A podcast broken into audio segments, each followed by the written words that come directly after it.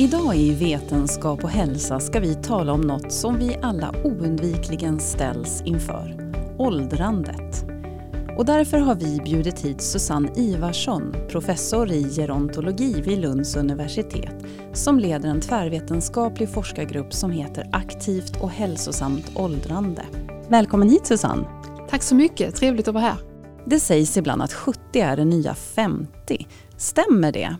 Ja, faktiskt gör det det. Jag eh, ger en föreläsning väldigt ofta som har just den titeln och då har jag satt ett frågetecken efter.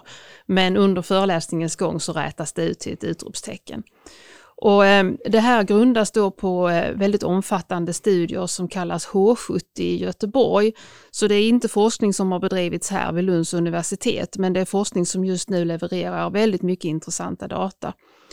Och en viktig grund överhuvudtaget när man ska studera åldrande det är att man kan inte lära sig så mycket genom att bara göra det vi kallar tvärsnittsstudier, alltså undersökningar vid ett och samma tillfälle.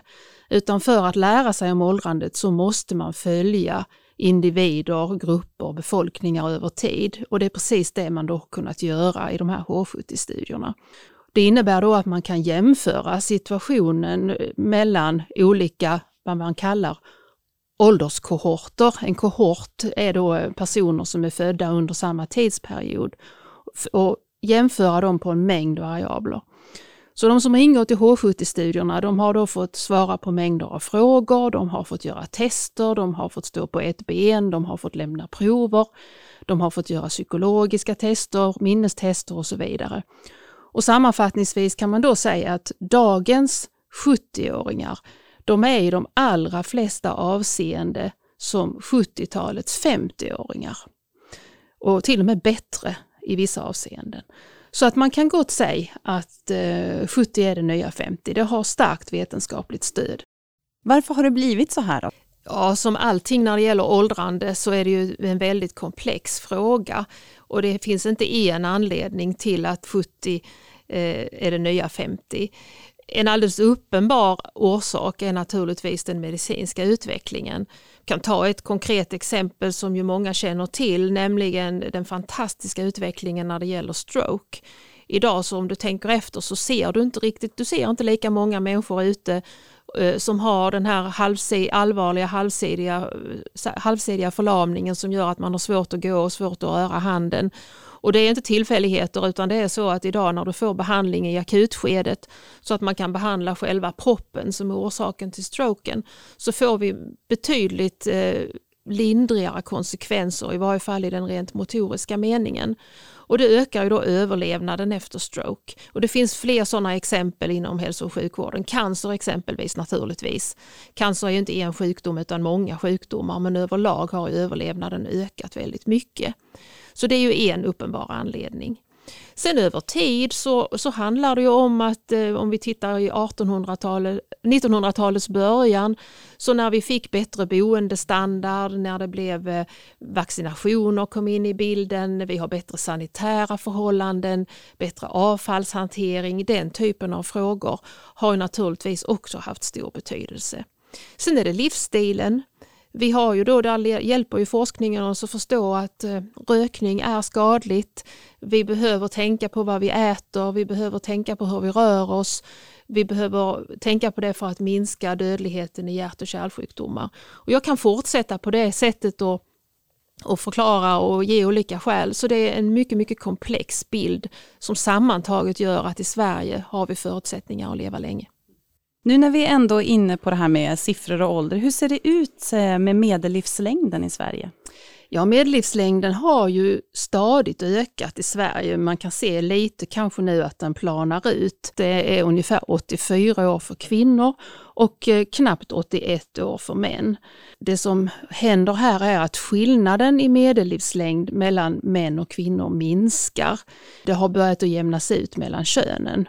Vi ser ju idag att vi har en väldig dominans av kvinnor i de allra högsta åldersgrupperna. Men fortsätter den här utvecklingen så kommer ju det att börja ändras, att vi får en annan könsbalans, könsfördelning rättare sagt, i den åldrande befolkningen.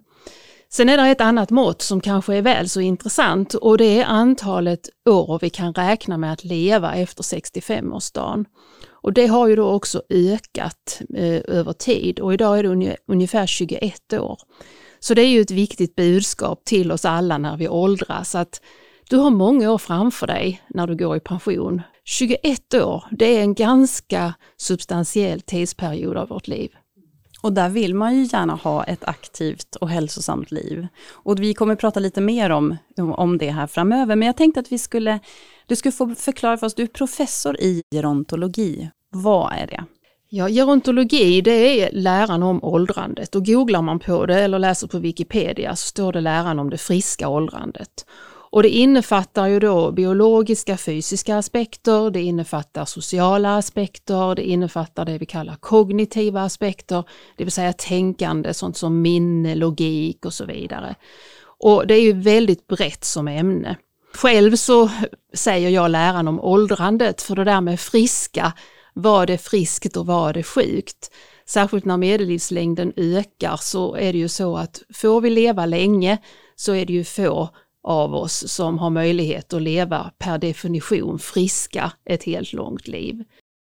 En annan sak vi kanske skulle behöva reda ut är det här med skillnaden mellan åldrande och äldreforskning. Ja, så det är ju en av mina käpphästar. Eh, vi pratar ju väldigt mycket om de äldre eh, och det görs ju mycket så i samhällsdebatten och jag får ju många sådana frågor. Hur ska det vara för de äldre? Och då brukar jag alltid ställa motfrågan, och vilka är då de? För vi har en tendens att alltid prata om de äldre som om de vore någon annan. Och pratar vi om diskrimineringsgrunder så är det rätt intressant att när vi pratar om de första diskrimineringsgrunderna som blev en debatt i samhället, till exempel då mellan könen, så är det ju män och kvinnor. Jag är ju kvinna och inte man. Man kan också säga att eh, jag är etnisk svensk och inte invandrare. Och så är det då med de olika diskrimineringsgrunderna som har lagstiftats successivt, att man kan faktiskt säga att det är en annan grupp.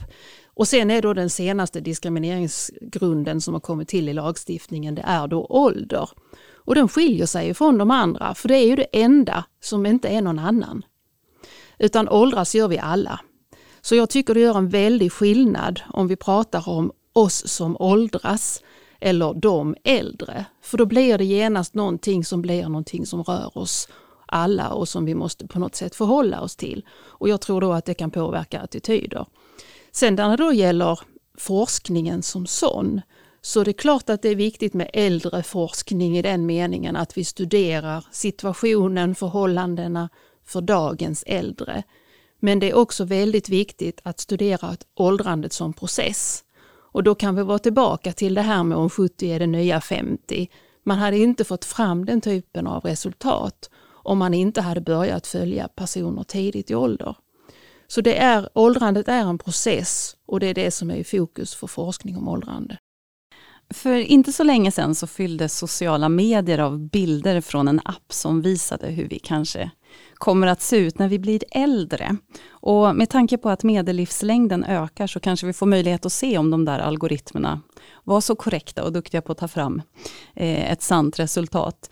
Men det fick mig att fundera lite grann på hur har synen på åldrande förändrats med tiden? Ja, det där är ju en, en, en spännande fråga.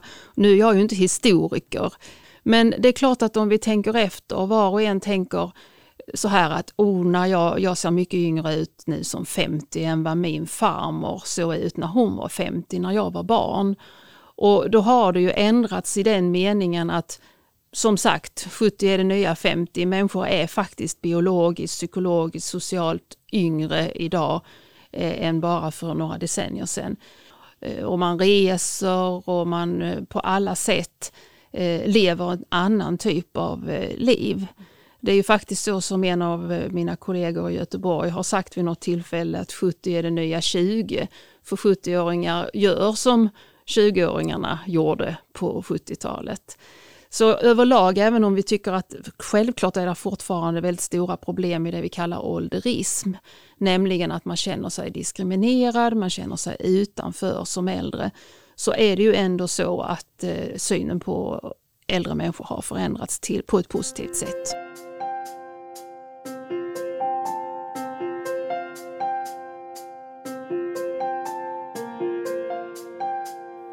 Du är koordinator för ett forskningscentrum som heter CASE, Center for Aging and Supportive Environment.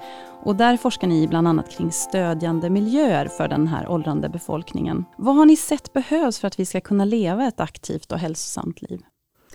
Jag kan ju först bara säga någonting om det här begreppet stödjande miljöer, var det kommer ifrån. Och det grundas då ifrån eh, arbete inom Världshälsoorganisationen som redan på 80-talet när, man, när det var väldigt stort och väldigt viktigt i hälso och sjukvården med både hälsofrämjande och förebyggande insatser, faktiskt, faktiskt på ett mycket tydligare sätt än vad det är idag.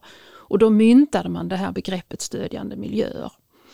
Och det, det, betyder då att samhället har ett stort ansvar för att vara stödjande för människor och människors hälsa i alla livsfaser och handlar väldigt mycket om att man samverkar mellan samhällssektorer.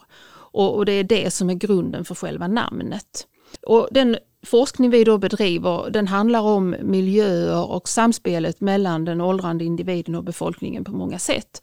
Miljöer kan ju då vara fysiska, byggda, vi pratar om hus, vi pratar om gator, vi pratar om kollektivtrafik. Det är också vårdmiljöer. Hur, eh, hur ser vårdmiljön ut i det vi kallar eh, särskilda boenden, mötet mellan individer och personal.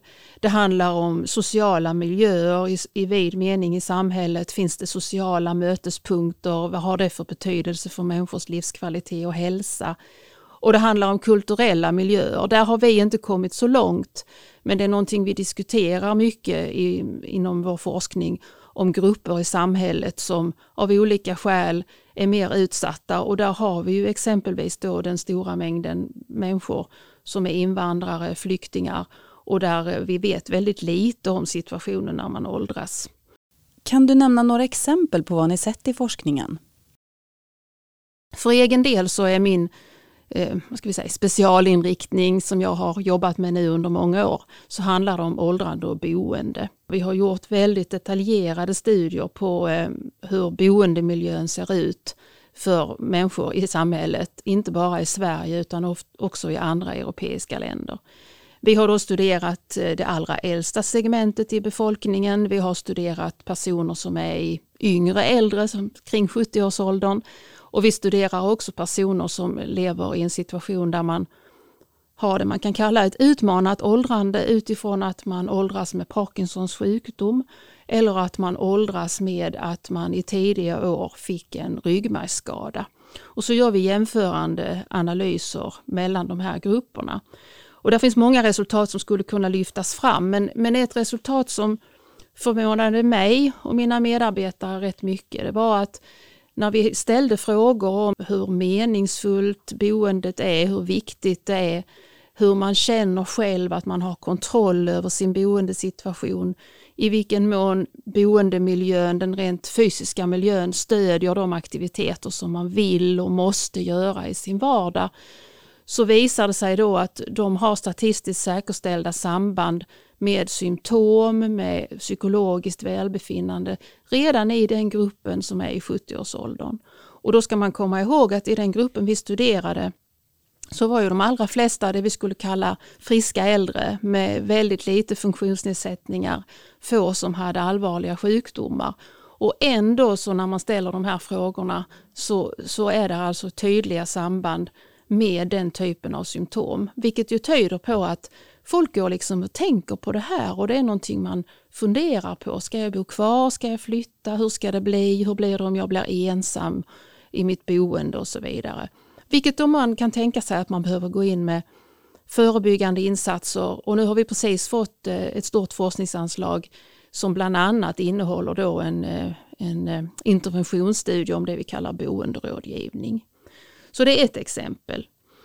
Sen eh, ett exempel som eh, kan vara lite kopplat till det, det är att vi har precis startat samarbete med avdelningen för brandsäkerhet på LTH som nu har då valt att ansluta sig till CASE, vilket är väldigt glädjande.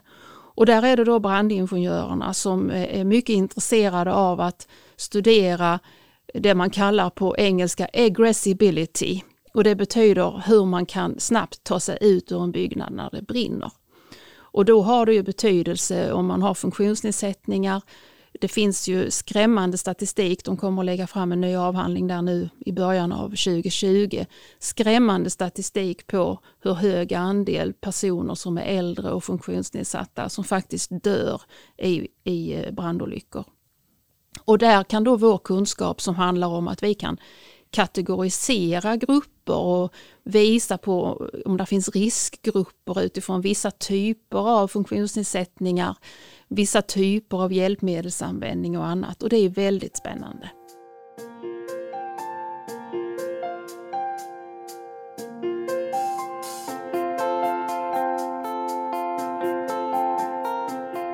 När ni gör den här forskningen, då interagerar ni ganska mycket med de här grupperna. Berätta, hur går det till? Ja, vi har eh, ända sedan Case startade 2007, eh, redan då så satte vi upp ett högt mål i den meningen att vi ska samarbeta med det vi kallar brukarna av forskningen, kunskapsanvändarna. Eh, de som ytterst har nytta av kunskapen och det är ju många olika grupper. Det är naturligtvis äldre själva, Eh, seniorerna i allmänhet, men det är också vissa grupper i den åldrande befolkningen, alltså patientorganisationer, pensionärsorganisationer. Men det är också kunskapsanvändare inom hälso och sjukvården, inom socialtjänsten. Det är också kunskapsanvändare i byggindustrin, fastighetssektorn. Så vi har ett stort forskningsprogram som heter User Age där vi då använder våra erfarenheter av den här typen av samverkan sedan många år tillbaka och studerar användar, samverkan med användarna ur ett perspektiv som innebär att vi studerar fenomenet som sånt. Så det är inte bara att svara på en vanlig enkät utan man är alltså med redan när vi planerar vår forskning. När det gäller det här programmet User Age så hade vi då representanter från pensionärsorganisationerna med redan när vi bestämde oss för vilka forskningsfrågor vi skulle jobba med. Vi har olika typer av workshops, eh, vi har enkäter ute just nu där vi hade något som vi kallar ett användarforum där vi i flera omgångar då samarbetade med representanter för kunskapsanvändare om vilka frågor ska vi ställa, förstår man de här frågorna, är det för många frågor och så vidare. Så det där är en jättespännande process och eh, den har vi faktiskt eh, redan nu mycket uppmärksamhet för. Jag tänkte på det här med digitalisering. Man pratar om det som en samhällsrevolution och liknande med hur samhället ändrades under industrialismen. En del menar att det här är en stor utmaning för äldre och samtidigt så har vi ju bloggerskan Dagny som visar att det behöver inte vara en utmaning. Men vad möter du för attityder kring åldrande och teknik? Ja, en, en sån här vanlig attityd är ju just det du själv antyder nu att varför, har, varför begriper inte äldre sig på teknik? Och det där är ju en sanning med modifikation. För, för det första är vi tillbaka till detta, vem är då de äldre? Av de som pensioneras idag så har ju alla som har varit yrkesverksamma använt både datorer och smartphones eh, i sitt arbetsliv under ganska många år. Men är man då över hundra idag så har man ju inte haft den typen av erfarenhet från arbetslivet. Å andra sidan, om vi nu pratar om generationer och kohorter av människor, så tar vi den som är som Dagny så har hon ju upplevt väldigt mycket mer teknikutveckling än den nyutexaminerade civilingenjören från LTH som är i 30-35 års åldern. Medan den allmänna attityden är ju att det naturligtvis är den unga ingenjören som är bäst på teknikutveckling. Så i min forskning försöker jag att ställa de här begreppen lite mot varandra och på ända. Och att eh, faktiskt försöka lära oss mer av det här.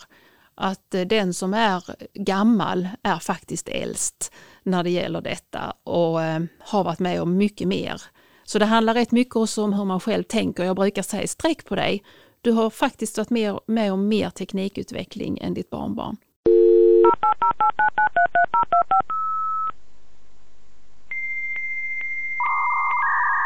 Men ibland kan man fundera över om vi kanske monterar ner det analoga samhället lite väl snabbt. Ja, det finns det ju mycket diskussioner kring och än så länge då finns det inte särskilt mycket forskning om hur människor tänker kring detta. Men det projekt som vi nu har arbetat med under ett drygt års tid som kallas Generation Tech, där vi studerar attityder till åldrande och teknik. Där har vi då, eh, just nu håller vi på att bearbeta resultaten från en första fokusgruppstudie. Och där har vi då intervjuat personer i åldern 30 till 40 år, 50 till 60 och 70 till 80-åringar. Och de har fått prata fritt om hur de tänker kring detta. Och då är det intressant att eh, både 50-60-åringar och 70-80-åringar de berör den här frågan.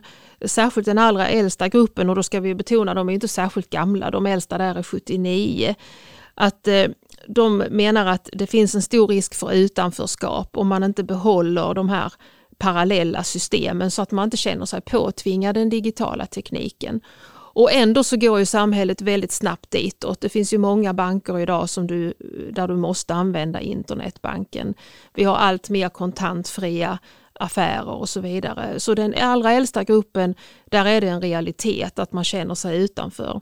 När det gäller 50 till 60-åringarna så, så pratar de mycket om etik och moral i detta och att det finns stor risk att svaga grupper i samhället lämnas utanför. Däremot de allra yngsta, de tar inte upp det alls utan de, och de tar inte heller upp att det är något problem med att eh, systemet hela tiden ändras. Man bara laddar ner nästa uppdatering och så kör man på. Medan nu hade vi ju här, det är ju alldeles aktuellt igår, att eh, många av oss här i Skåne var tvungna att eh, söka om kanalerna på våra tv-apparater. Och då tänkte jag när jag satt där med min bruksanvisning att hur många äldre är det inte ikväll som faktiskt inte kan titta på tv?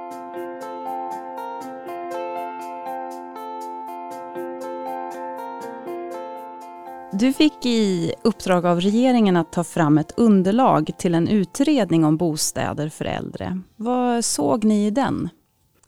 Ja, det är några år sedan och det var faktiskt intressant för att eh, då hade man på regeringsnivå fångat upp att vi hade bedrivit forskning just i detta med åldrande och boende. Och vi sitter då på en databas där vi har ett par tusen lägenheter, hus undersökta i detalj i, olika, i Sverige men också i andra europeiska länder. Alltså i praktisk mening att forskningsassistenter har varit ute och mätt varenda tröskel och vartenda dörrhål och tittat i vartenda badrum och, och sovrum och trappa och så vidare. Och den detaljeringsnivån när det gäller det vi kallar miljöhinder och tillgänglighet, det finns faktiskt inte interna ens internationellt. Det är ingen som har gjort den typen av studier. Och det var ganska utmanande för då ställde regeringskansliet sådana frågor att man ville ha fram statistik för att kunna titta på hur ser det egentligen ut i Sverige med den här typen av problem. Och vi levererade då en, en rapport där vi dels sammanfattade vår hittillsvarande forskning men vi också tog fram nya resultat utifrån de frågorna som gällde, man var då intresserad av, har tillgänglighetsproblematiken förändrats över tid? Där vi då kunde visa att ja, det finns eh, lite färre miljöhinder i de nyaste bostäderna jämfört med de som var byggda på 50-60-talet. Vi såg också att det är bättre situation i flerbostadshus, alltså i lägenheter, än vad det är i privata villor. Och det är ju en lite intressant vinkel för vi pratar ju ofta om att ja, vi skyller på arkitekterna och på kommunen och på fastighetsbolagen. Men vi pratar sällan om att när vi själva bygger om huset, när vi är i 50-årsåldern kanske, barnen är utflugna, köket nerslitet, vi behöver nytt badrum. Då har vi rätt så god ekonomi, många av oss, och då lägger vi rätt många hundratusen på sånt. Men vi har ingen tanke på eh, hur det kommer att kunna vara om 30 år. Så därför har vi faktiskt väldigt mycket tillgänglighetsproblem med tanke på den åldrande befolkningen i vårt privata bostadsbestånd. Och hälften av oss när vi är 65 bor ju i villor och småhus i det här landet. Så vi lyckades då använda våra resultat eh, till att eh, lyfta detta till nationell nivå för vi kunde konstatera och visa att de data vi har på svenska bostäder de är representativa för det svenska bostadsbeståndet. Det, finns, alltså det används i Sverige idag en miljard kronor per år till individuella bostadsanpassningar. Du kan söka ett bidrag på kommunen och så får du bidrag till att ta bort trösklar, installera dusch och så vidare. Och då tittade vi på de fem vanligaste åtgärderna som görs med hjälp av bostadsanpassningsbidraget. Och så visade vi då hur många bostäder i det svenska bostadsbeståndet måste byggas om och ta bort, för om vi skulle ta bort alla de här vanligaste åtgärderna och då blev det sjusiffriga tal. Så det visade på magnituden av det här problemet. Men samtidigt är det det att boendet är ju så viktigt. Många vill bo kvar hemma så länge de kan och är friska. Du sa så länge de kan och är friska och det var ju väldigt bra att du la till det för att i politisk mening så pratar man om kvarboendeprincipen, att alla vill bo kvar. Men i politisk mening glömmer man ofta just det som du precis la till och det vanligaste sättet man uttrycker sig när vi pratar med äldre om detta är så länge det går. Och det där med så länge det går, det är ju väldigt individuellt. Någon tycker att ja, det går så länge tills någon bär mig härifrån med fötterna före och någon annan säger det går inte längre nu för nu är jag ensam i huset och jag klarar inte detta, jag klarar inte trädgården. Eller jag har ju eldat upp min disktrasa tre gånger på spisen, jag börjar nog bli dement, nu måste jag flytta. Så man måste ha en mycket mer eh, differentierad syn på detta med kvarboende så länge det går.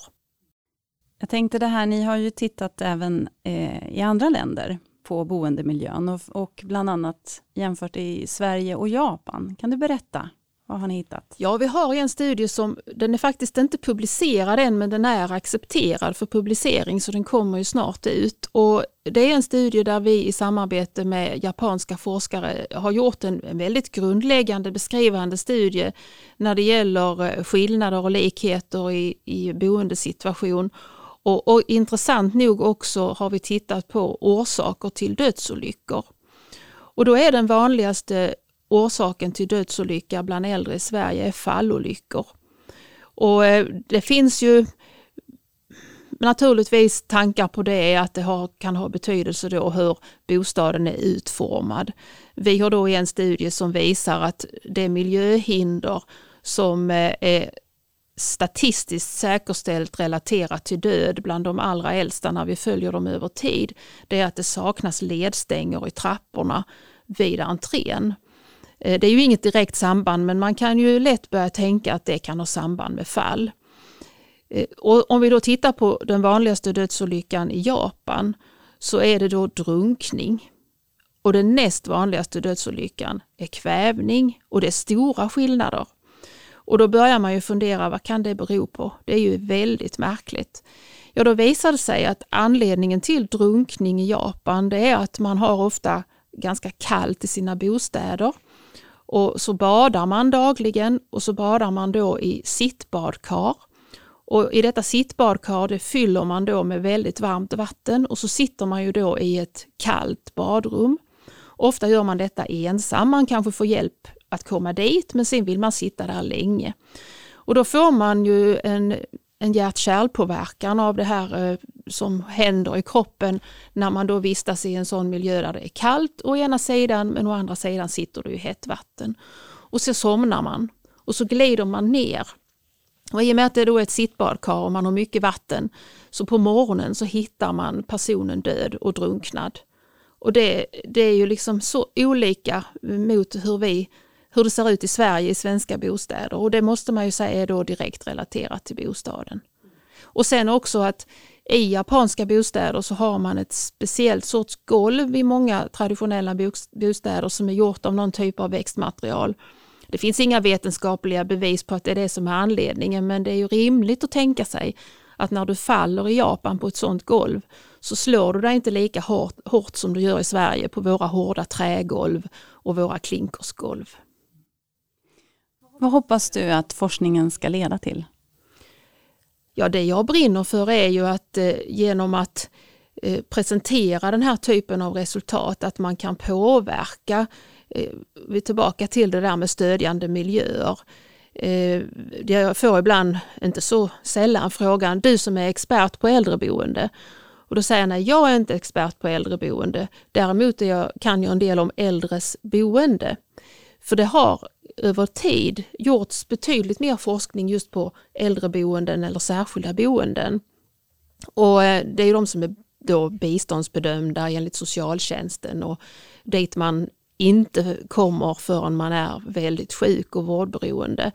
Och det, vi studerar även sånt inom CASE, framförallt våra kollegor på Socialhögskolan här i Lund eh, har mycket intressanta studier när det gäller äldreboenden. Men jag hoppas genom att bidra med den kunskapen att man får upp ögonen för att vi har inte bara en åldrande befolkning, vi har också ett gammalt bostadsbestånd och de där bägge storheterna de går faktiskt inte ihop som det är idag. Så jag hoppas på olika sätt påverka både debatten men också de rent praktiska åtgärderna. Och där samarbetar vi för övrigt med just nu mest med Karlshamnsbostäder som är ett allmännyttigt bostadsföretag där vi försöker tillsammans med dem införa vetenskapligt baserad metodik för att kunna fatta beslut när man gör ombyggnad och så vidare på vetenskaplig grund.